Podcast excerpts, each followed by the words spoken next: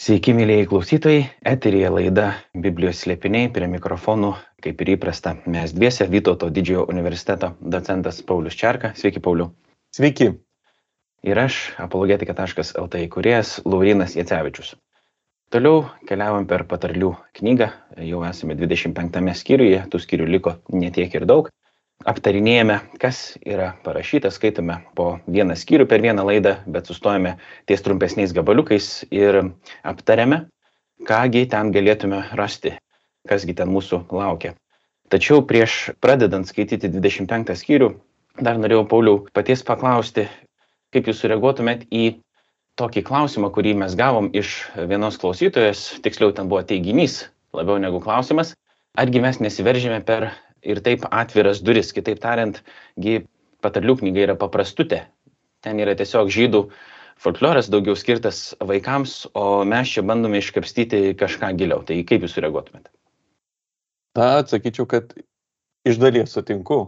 Iš tikrųjų, mes skaitome patarlės, kurios yra parašytos gana kai kur vaikiškų stiliumi ir iš tikrųjų jos nieko iš esmės ir nesiskiria nuo liaudės folkloro arba jos liaudėje esančių posakių, priežodžių. Tačiau lieka neatsakytas klausimas, kodėl karališki rūmai, štai mes šitam 25 skyriui skaitysim ne tik Saliamono, bet ir jau 14 karaliaus po jo, Ezekijo tokias patalės renka ir renka kažką norėdam mums pasakyti ne tik vaikam, bet kur kas daugiau norint pasakyti visiems stebėtinas panašumas įvairių įžvalgų su Jėzaus Kristaus palyginimais Evangelijose mums vis tiek rodytų, kad lygiai taip kaip Jėzus Kristus, kalbėdamas garsiai savo palyginimais apie pasiklydusią avį arba sūnų palaidūną, nenorėjo mums tiesiog papasakoti, kaip reikia ganyti avis arba socialinius santykius puoselėti šeimoje, jis tarytum tais pavyzdžiais perteikia gilesnės tiesas, lygiai taip pat ir čia. Mes nors turime pačią stilistiką išties paprastą tačiau per ją turbūt yra mums pamokoma daug daugiau negu tiesiog mūsų gyvenimo buitis. Jeigu dar būtų galima pridėti, mes prieš pat laidą diskutavom apie tai, kad 25 skyriuje yra bent viena eilutė, kuri ko nepažadžiu yra atkartojama ir Naujajam testamente. Tai ir jokių yra ne viena patarlių knygoje, jie Naujojo testamento autoriai taip pat remiasi ir kaip minėjot jau jėzaus palyginimai taip pat turi nemažai panašumų su patarlėmis. Tad ką tai reiškia? Atrodytų kad apaštalai konkrečiai apaštalas paulius vis dėlto atpažino toje literatūroje kažką tokio gilaus ir prasmingo ne tik tai paprastučius pamokymus o jis juk buvo išsilavinęs žydas išėjęs mokslą prie gamalėlio kojų fariziejų fariziėjas tad e, tikrai nebūtų buvęs suvedžiotas sakykim tokio paprastumo ir čia bandęs kažką iškrapštyt ko ten nėra Bet e, pabandykim tada kartu pasinerti giliau, turėdami meni ir tą formą, bet pasiaiškinti, kasgi ten yra parašyta. Pradedam nuo 25 skyriaus pirmos eilutės. Štai dar Saliamono patarlių, kurias surinko Judo karaliaus Ezekijo vyrai. Būtų galima jau čia sustoti. Apie ką čia eina kalba, kadangi ką tik pabaigėm 24 skyriuje antrą išminčių posakių rinkinį, kuris yra siejamas su Egiptu, ar ne, jeigu aš gerai atsimenu, o dabar jau vyksta tam tikras lūžis ir yra kitos patarlės, kurios surinktos Ezekijo vyrų. Taip, iš ties, gal ne visai tiksliai su Egiptu, bet su to meto populiariais na, modeliais, kaip buvo surinkami tie posakiai, su tam tikra, na, šiandien pasakytume, profesinė etika. Bet pati knyga mums išduoda, kad iš tikrųjų autorius yra ne vienas, kaip dažnai mes tikimės, jog tai jas sudarė Saliamonas. Čia aiškiai yra pasakyta, kad na, nuo šios dalies dirbo karaliaus Ezekijo išminčiai, kurie vadinami vyrais arba graikiškam tekste draugais. Čia jau turim 14 karalių po Judo karalių, tai jau praėjo nemažai kartų, beveik 250 metų, na, žiūrint nuo karalių Saliamono ir štai mes turim jo žymesias religinės reformas ir tų reformų dėka na, yra renkami, redaguojami ir formuojami uh, ne viena knyga, bet įskaitant ir šį patarlių knygą.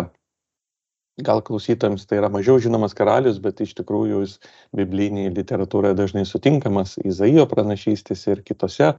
Netgi mums turbūt daugelio gerai žinoma pranašystė Kalėdų laikotarpyje štai mergelė pagimdys sūnų yra kaip tik pasakyta pranašo Izaijo šiam karaliui jo lygos metu. Taip kad tai žinomas asmuo, žinomas reformatorius, reformavęs šventyklą, taip pat iš čia mes matom, kad yra jo reformos palėtė ir, ir tekstus.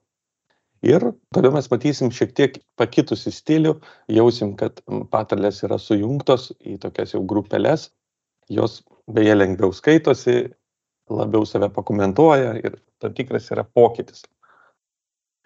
Paskaitykim toliau dar vieną gabaliuką. Nuo antros eilutės. Dievui teikia garbę paslaptis, o karaliams esmės atskleidimas. Kaip dangaus aukštybės bei žemė gelmes, taip ir karalių širdis neištyriama. Pašalinęs nuodegas nuo sidabro, sidabrakalys turi medžiagos indui. Pašalinus nedorėlį nuo karaliaus, jos sostas bus grįstas teisumu. Nesiaukštink karaliaus akivaizdoje ir neužimk didžiūnų vietos. Jų geriau, kad tau būtų sakomas linkis aukščiau, negu būti pažemintam kilmingųjų akivaizdoje. Iš tikrųjų, šitoj vietoje ypač paskutinė patarlė mums tiesiog pažodžiui primena vieną iš Jėzaus palyginimų, kuomet jis kalbėjo apie etiką prie vestuvių stalo, šventinio stalo, kaip pasirinkti vietą, o štai čia mes šitose tarytum grupiai matom tam tikrą rūmų, karališkų rūmų etiką, politinės valdžios etiką, kaip dera elgtis. Ir e, iš čia vėlgi matytume, kad e, nors taip kaip Jėzus turbūt neapsiribojo komentuodamas, kaip dera elgti šventėje, bet ir kalbėjo apie mūsų visą gyvenimą, gyvenimo pasirinkimus, taip ir čia. Nors sutinkame patarimus, kaip elgtis karalių rūmose, karaliaus rūmose, politinėje valdžioje, iš tikrųjų už to slypi turbūt gilesnis santykis su visos visatos karaliumi. Kai mes sutinkam to karaliaus vaizdinį, mes kai kada matom už jo besislėpinti arba bandant parodyti tam tikrą analogiją žmogaus ir Dievo, Dievo kaip karaliaus, kita vertus gali būti ir pats žmogus savo gyvenimo, savo, savęs karalius.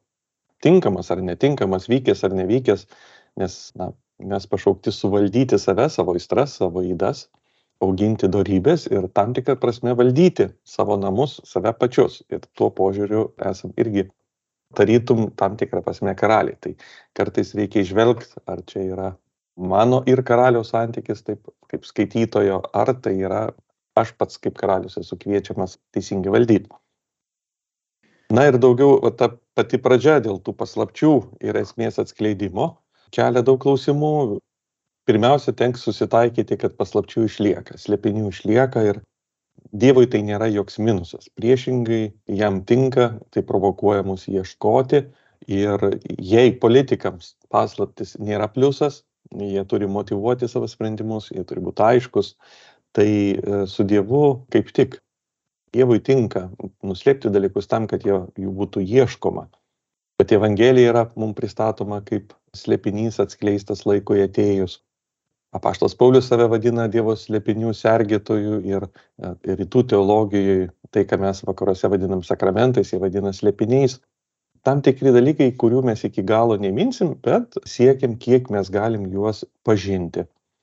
Kita vertus į tą eilutę galima žiūrėti šiek tiek kitaip ir tai kad kalno pamoksle mes girdim tokį jėzaus paraginimą jog tėvas regintis slaptoje tau atlygins. Reiškia yra dievas kuris mato slėpiningai slaptoje ir fariziejai labai ieškojo žmonių viešumo ar ne savo dvasinėmis praktikomis. Tačiau tikras dvasingumas rūpinasi kad tave pamatytų dievas o ne žmogus. Ir kažkuria prasme tada mes šitą eilutę matytume jog politikams dera ieškoti visuomenės pritarimo, tam tikrą prasme toks yra jų veikimas, o tikras dvasingumas žiūri į vidų, jis nedemonstruoja savęs, jis tarytum yra atskleidžiamas slaptoje Dievui, taip kad tą pačią eilutę galima ir pamatyti kaip to gilaus ir paviršutiniško dvasingumo prieš pastatymą.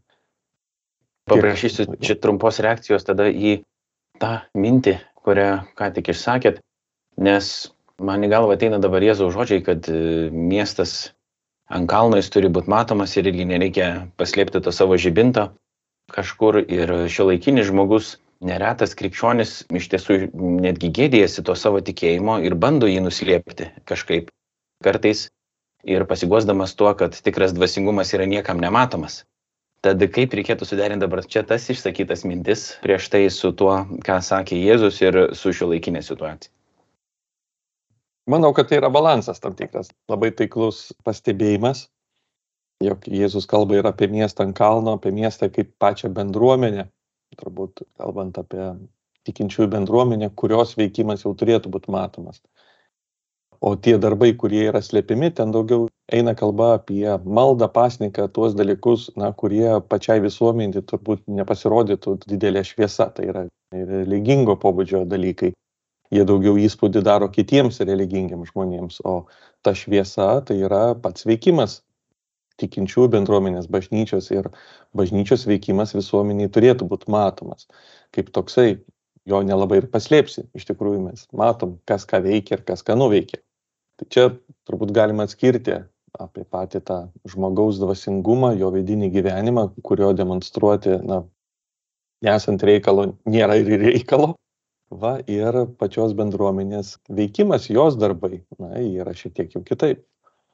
Ar būtų galima sakyti, kad vienas iš kriterijų būtų garbės ieškojimas savo ir garbės ieškojimas Dievui. Jeigu ieškom garbės savo, atrodytų, nu, pavyzdžiui, tam tikros religinės praktikos, kurios galbūt darė įtaką prieš kelis tūkstančius metų, neįtaką įspūdį aplinkiniams prieš kelis tūkstančius metų Izraelį, niekam to įspūdžio šiais laikais nedaro. Tai tuo metu per tas religinės praktikas pasirodyti tai buvo nu, netinkama dėl to, kad tu bandai parodyti, koks va dabar aš esu geras Dievo sėkėjas, kai ateistų beveik nebuvo, o dabar, sakykim, bandyti nuslėpti tą savo tikėjimą tam, kad tarsi tavęs klausia, na tai ką veikiai sekmadienį. Tu sakai, ai, nieko, žiūrėjau Netflixą, televizorių, dar kažką iš tikrųjų bažnyčiai buvo ir gėdėsi to fakto, kad iš tikrųjų tu buvai ten, kur buvai, tiesiog savo gyvenimo gėdėsi savo tapatybės ir e, per tą galbūt kriterijų, per tą principą mes ir galim šiek tiek atskirti, ką mes čia dabar bandom. Pritariu, pritariu, Laurinai, taip, taikliai pastebėjau.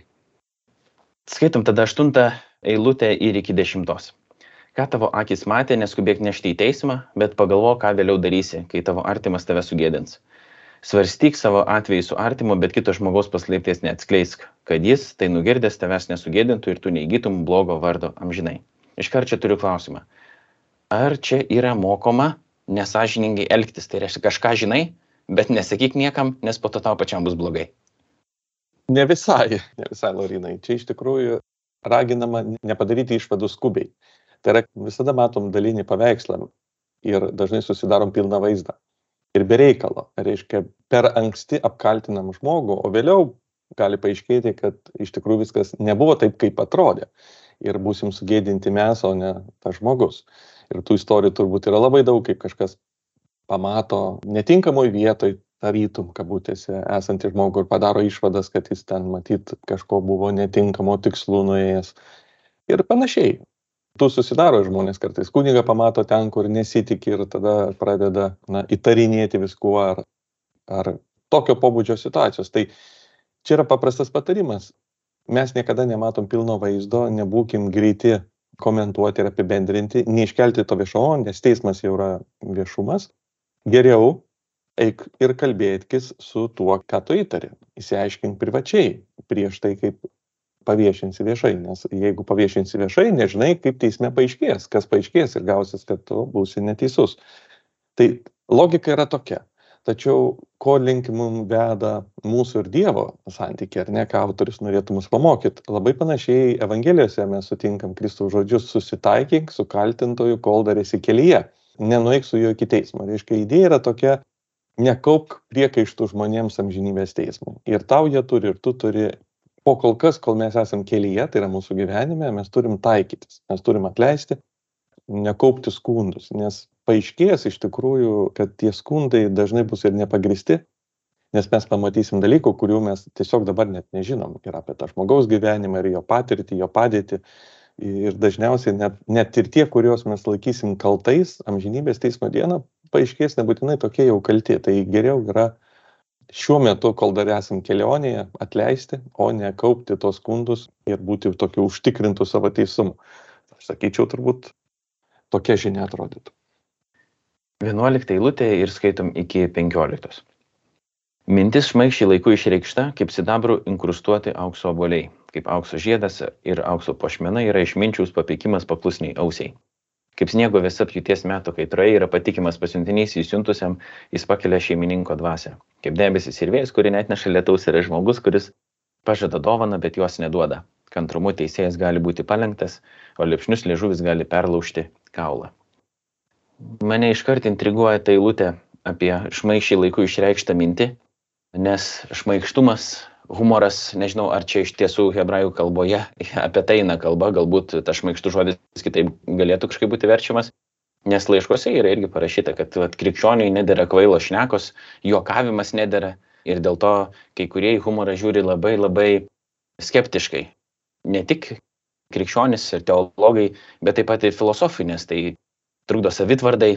Ir man pačiam teko rašyti darbą būtent tą temą apie humorą, ar įmanoma suderinti humorą ir krikščionybę, nes atrodytų tarsi humoras yra ir Dievo duota dovana, bet to pačiu labai daug pavojų slypi su juo.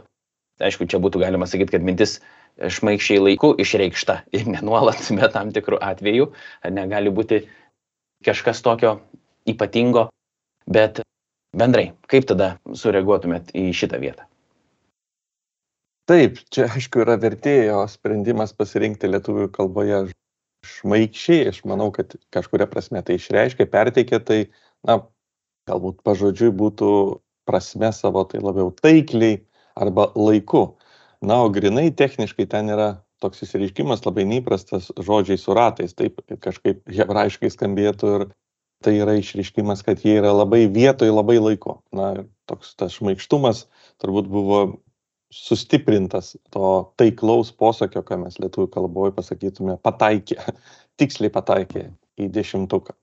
Ir iš tikrųjų pataikyti operatyviai yra labai sunku. Dažnai mes suprantam, ką reikėjo pasakyti, bet būna viskas jau šaukštai po pietų, tada mes pagalvojam, o, aš vat, galėjau tai pasakyti.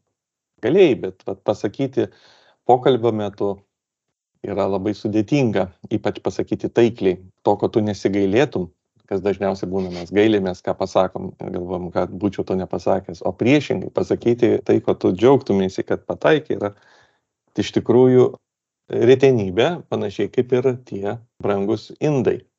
Įdomu yra, kad čia mes matom taiklius posakius, išmintingus posakius kaip puošmenas ir brangenybės. Iš tikrųjų, ta išmintis yra vertinga tarytum brangus daiktai arba puošmenas. Jie puošia žmogų.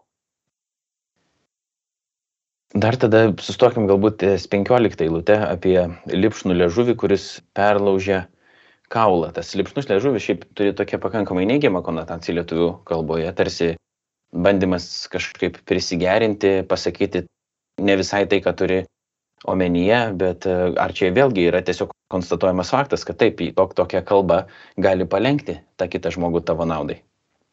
Iš tikrųjų, čia irgi vertėjo pasirinkimas panaudoti tokį žodį, kuris atkreipia mūsų dėmesį ir galbūt tai turi mums ir tam tikrą neigiamą atspalvį. Greičiau čia eina kalba, na, pažodžiu, būtų švelnus, malonus, maloningas, tiesiog mandagus, mandagi kalba, tas liežuvis tai yra na, kalba. Ir argumentas yra toks, kad gali nuveikti ramę, mandagę, maloningą kalbą, argumentų kalba daug daugiau negu dviejais paskutiniais argumentais, kaip baigėsi šitie, o tada įeina į kovą šitie du paskutiniai, kairė ir dešinė. Tai idėja yra tokia. Lipšnus turbūt, na, aš pritarčiau, kad tai jis atkreipia mūsų ausį, bet sutikčiau, kad jis nėra turbūt pats idealiausias sprendimas galima buvo parinkti tiesiog švelnus ar mandagus. Tai būtų tikslesnis. Ir kaip tau, Laurinai, sekasi apologetika LT įtikinėti tuo liežuviu? Ar tenka panaudoti paskui jau, kai pasibaigė kairė ir dešinė? Ar sulaužiai kažkiek kaulų savo liežuviu? Prastai man sekasi įtikinėti, bet e, nors vienas iš apologetikos tikslų yra įtikinti kitą asmenį, bet e, kadangi jokio tikslo nėra tiesiog įtikinti žmogų, kad jis priimtų kažkokią idėją. Tai taip galima padaryti, pabandyti pasitelkti tam tikras retorinės technikas ir pabandyti žmogų įtikinti. Ypatingai tai matom socialinių medijų amžyje, kad tam tikras pateikimas, apeliuojant į tam tikrą auditoriją, tam tikrų būdų, jisai įtikina. Ir tas pačias technikas naudojant įtikinti tam tikrais dalykais tikrai galima. Bet uh, apologetika tokio tikslo neturi. Apologetika nori įtikinti, kad Jėzus Kristus yra pasaulio viešpats ir karalius ir kad yra ne tik, kad verta, bet reikalinga kiekvienam pavesti savo gyvenimą jam. Taip pat užsima tokiais klausimais kaip e, Dievo buvimas, tai norima įtikinti žmonės Dievo buvimu ir panašiai, bet viskas nėra tik tais tame lygminė, kad priimčiau faktą, įdėčiau tarsi į savo lentyną, kur yra mano įstikinimai, dar vieną įstikinimą. O, Dievas yra, Jėzus Kristus prisikėlė iš numirusių, bet tikslas yra, kad tai taptų mano gyvenimo realybė. Ir e, vienintelis Dievas tai gali padaryti. Vienintelis Dievas gali iš tiesų įtikinti žmogų, atversti žmogų, atgimdyti iš naujo. Tai yra tam tikras toks krikščioniškas žargonas. Tai tada kam iš vis apologetika arba pamokslavimas arba tokios laidos kaip ši? Tai jinai bando atkreipti dėmesį į tai, kas yra Dievas ir koks jis yra ir įtikinti iš tikrųjų, kad yra verta juo sekti, bet tas tikrasis įtikinimas, jis yra Dievo prerogatyvas. Šventoji dvasia atlieka tą įtikinimą, bet jinai gali panaudoti tiek intelektualinį argumentą, tiek pamokslavimą, tiek situacijas, tiek dar visokių kitokių dalykų, kadangi žmonės yra kūno ir sielos vienovė ir taip pat mes be abejo apeliuojam ir į protą. Tad e, yra žmonių, kurie remdamėsi apologetiką iš tikrųjų pakeitė savo mąstymą, priėmė tam tikrus įsitikinimus, kuriuo anksčiau neturėjo. Nebūtinai seka Jėzumi Kristumi, bet kažkiek pakeitė. Bet aš taip pat matau ir žmonių, kurie per ilgą laiką po truputį, po truputį keičia tos įsitikinimus ir, pavyzdžiui, tampa krikščionimis. Ir galiausiai toks momentas dar yra svarbus, kad apologetikas tengiasi ne tik netikintieji, tai yra ne krikščioniai tikinti krikščionybės tiesa, bet ir sustiprinti tikintieji. Parodyti jam, kad yra gerų argumentų atremti priešingus sekuliariojo pasaulio argumentus ir sakyti, kad na, vis dėlto tai, kas yra sakoma apie tai, kad čia yra neverta skaityti tų tavo pasakaičių Biblijoje arba mokslas senai įrodė, kad Dievo nėra, kad tai nebūtinai yra pagrįstos pozicijos ir apologetika gali pastiprinti tą krikščionį, parodyti, kad ne, vis dėlto mes remiamės savo protu ir yra gerų priežasčių tikėti taip, kaip mes tikim. O ar čia sėkmingai ar nesėkmingai tai vyksta, čia yra atviras klausimas, vienas Dievas tikriausiai žino, kažką darau, o koks jau tas bus rezultatas, tai, tai Dievo rankose. Patarlių knygoje galim rasti tą vietą, kad žirgas yra balnojamas mūšio dienai, bet pergalė priklauso nuo viešpatės. Tai va, balnojam tą žirgą, bet pergalė viešpačiai atiduoda.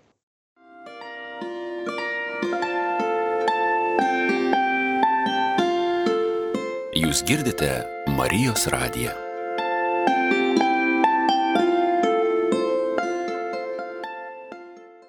Gerai, skaitom tada toliau nuo 16 iki 17 porą eilučių. Kai užtinki medaus, valgyk tik tiek, kiek reikia, antrai persisoti, nes turėsi jį išvemti. Į savo kaimyno namus kojos dažnai nekelk, kad jam neįgrįstum ir netaptum nekenčiamu. Vėlgi įdomi santykių tokia dinamika, apie ką čia eina kalba. Na, tos dvi eilutės ir pakomentuoja vieną kitą, kad draugystė yra kaip medus, labai saldi. Ir draugavimu mes galime mėgautis, skanauti, įžvalgas, bendrystę, džiaugsmą. Tačiau draugystėje reikalingas na, ir tam tikras saikas. Arba pavojus yra piknaudžiauti draugystę, kuomet žmogus vien tik ima, bet pamiršta kažkaip atiduoti. Reiškia, jis yra tik lankosi svečiuose, bet niekad nepasikviečia, ar ne, sakykim taip. Ir čia turbūt galim prisitaikyti Dievo žmogaus santykį, jog patarlėse labai dažnai Dievas yra tas draugas, arba santykis su juo yra draugystės santykis jis lygiai taip pat džiaugiasi, ar ne, jeigu mes žmogus jį atranda, tai yra tam tikras džiaugsmas, kai žmogus džiaugiasi Dievo prielankumu ir draugystė, bet jeigu tas santykis lieka vienpusiškas, tik tai ėmimo, jis tokiu atveju tampa ne visai sveikas, reiškia, reikalingas tam tikras ir atidavimo dalis.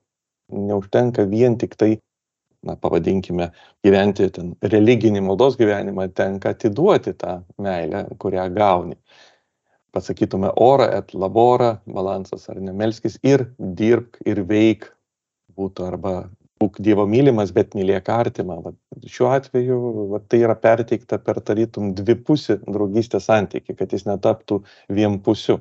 Taip, tai saldu, bet tas vienpusiškumas turi turėti saiką, jis turi tapti dvipusišku.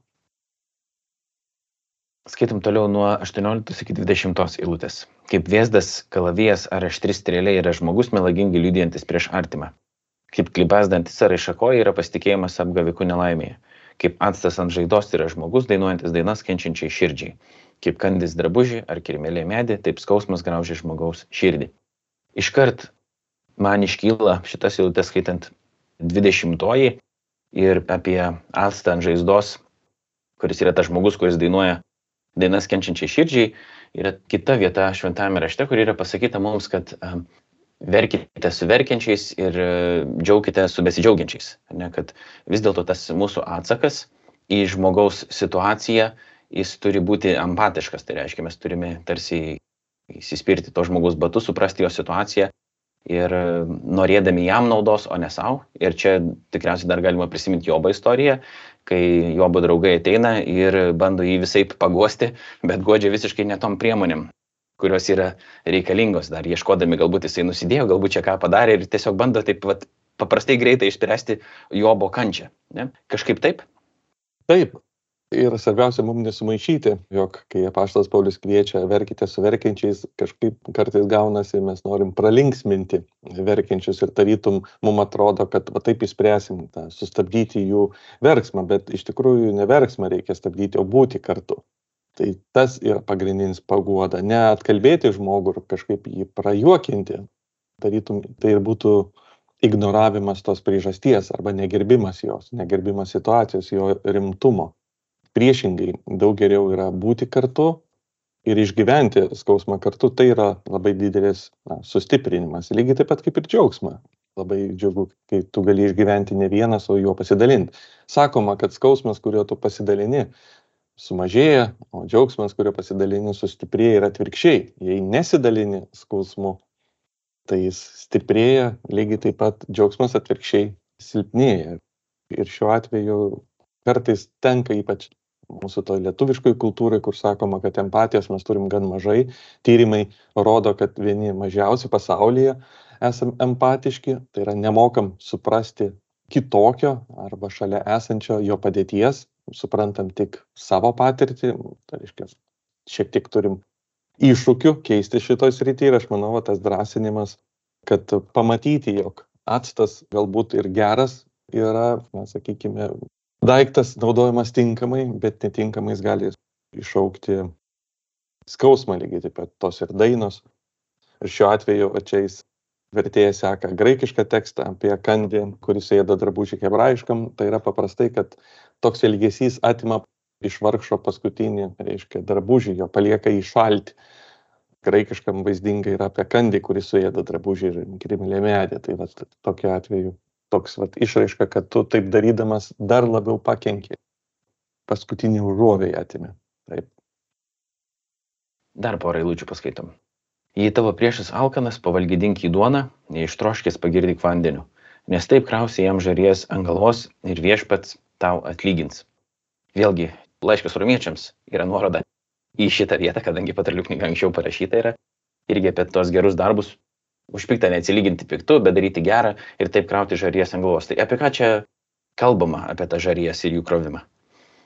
Taip, šiai dienai, aišku, kai mes išgirstam žodį žaries, jos gali asocijuotis nebent su šašlaikų kepimu pavasarį. Tai daugiau mes nelabai jūs kur naudojam, bet to meto kultūroje pirmiausia žarijos buvo naudojamas būtyje kaip ugnies ir šilumos, atsakykime, jos buvo reikalingos kiekvieną dieną ir jos pas tave baigėsi, tekdavo eitis pas kaimyną jų pasiskolinti ir kažkuria prasme jas atsinešti.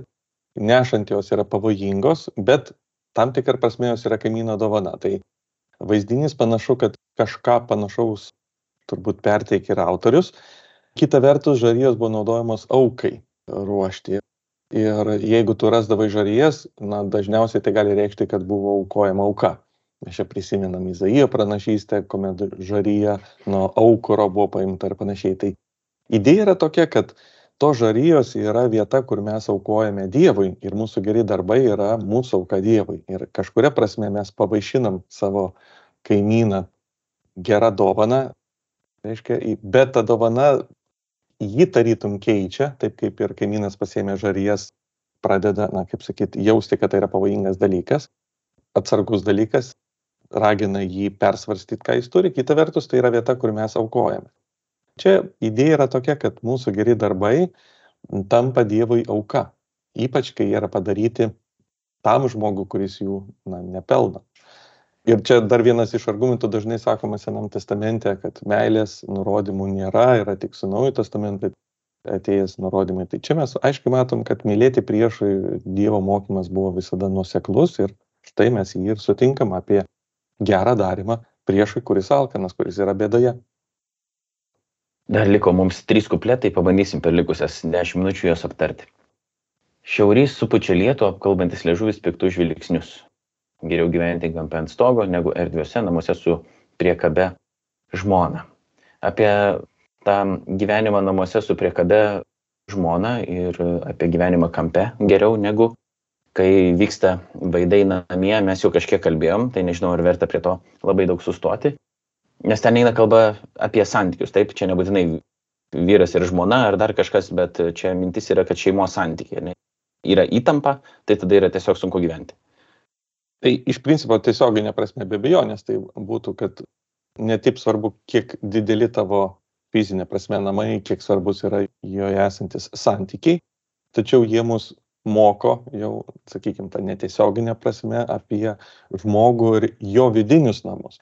Nes mūsų tarytum viduje gyvena aistros ir darybės, jos tarytum yra tos moteris. Taip, ir jeigu tu užsileidi tas aistras, jos gadina tau gyvenimą, tu nuolat nepasitenkinęs, tu vis nori ir nori, tau vis negana ir negana, nepaisant to, kad tu gali turėti labai didelius namus, vis tiek bus negana. Reiškia, tarytum tai yra tas vaizdinys tokios nepasitenkinusios moteris, kuri niekada nepasitenkina, kiek ko bebūtų, tai yra mūsų aistrų vaizdinys, jog jos yra nepasotinamos ir daiktų gausa jų neišspręs. Daug geriau yra, reiškia, jas suvaldyti, ir tokiu atveju nors daiktų bus mažiau, bet pasitenkinimas didesnis. Idėja yra tokio vidinių namų. Čia reiškia per tokį, sakykime, socialinį pavyzdį perteiktas žmogaus vidinis gyvenimas. Dar aš atsiminiau tokią vieną eilutę iš mano paauglystėje klausytos grupės amerikiečių, kurie vienos dainos pabaigoje, aš nežinau, tikriausiai tai yra net ne jų eilutė, jie tiesiog cituoja. Ten, kad tamsa nešiojama širdyje negali būti panaikinta perkeliant kūno iš vienos vietos į kitą. Čia greitai dabar išverčiau tiesiog iš anglų kalbos, tai mintis panašiai atrodytų, ne, kad su mumis yra mūsų vidinio kūno namai, su kuriais mes turim tvarkytis ir tai, kad mes dabar išvažiuosim į kitą vietą arba pereisim šimtą metrų į šoną, automatiškai viskas nesustvarkys, reikia tvarkyti su to, kas yra viduje. Taip. Kaip šaltas vanduo išdžiūvusi gerklį, taip gera žinia iš tolimo krašto. Doras žmogus, krūpčiantis prieš nedorelį, yra kaip sudrausta versmė ar užterštas šaltinis mūsų ausiai gera žinia arba geroji naujiena, tikriausiai tai čia ir yra aluzija, ne, tai yra tam tikras specifinis terminas dažniausiai, kai jisai ir net siejamas su karu, kai vyksta pergalė kažkokia ir yra atnešama gera žinia, kad žiūrėkit, dabar situacija pasikeitė. Arba išrinktas naujas karalius, gera žinia, klausykitės, dabar viskas keičiasi. Kai mes turėjom galimybę net stebėti, nes jinai laidą įrašinėjom, prieš kelias dienas buvo karūnuotas Karolis III, Britanijoje, ne, tai mums geriau padeda irgi suprasti tą gerosios naujienos paskelbimą apie Jėzų kaip karalių, kad dabar viskas keičiasi ir tai yra tarsi šaltas vanduo mūsų išdžiūvusi gerkliai ir Jėzus save prilygina tam gyvajam vandeniui ir man šitą eilutę ypatingai patinka šitoje vietoje. Matau, matau, Laurinai, taip, taikliai pastebėjai. O kaip apie tą dorą žmogų, kuris krūpčioja prieš nedorelį ir tai yra kaip sudrumsta versmė ar užterštas šaltinis. Ką iš to galėtume mes pasimokyti? Iš tikrųjų, čia galbūt galima pasakyti, kad, pavyzdžiui, bažnyčia visuomenė yra kaip tik skirta tam, kad ji na, būtų tam tikras tyras vanduo ir kad jis kritikuotų dalykus, kuriuos dera kritikuoti, būtų tam tikra na, tokia moralinė pozicija procesams. Ir jeigu tai, kas yra mūsų moralinis stuburas visuomenėje, palūšta, situacija yra labai prasta ir čia galbūt galima pastebėti panašią situaciją vykstančią Rusijoje ir su Rusijos bažnyčia, kuomet ji tarytum nebetlieka savo moralinio stuburo, ar ne? Ji ta, kuri turėtų būti moralinis šauklys, staiga savo didžiąją dalim nebevykdo to, tai vat atsitinka tragedija. Tai yra vat tas doras žmogus, krūpčiantis prieš nedorėlį, jisai tarytum turėtų duoti gaivų vandenį, o ta srovė tampa užnuodyta. Reiškia, nebėra iš kur atsigerti tokiu atveju. Ir pabaikim paskutinių dviejų eilučių komentaru. Negera valgyti per daug medaus, neieškoti vis didesnės garbės. Kaip atviras miestas be apsaugos yra žmogus, kuriam trūksta savitvardos.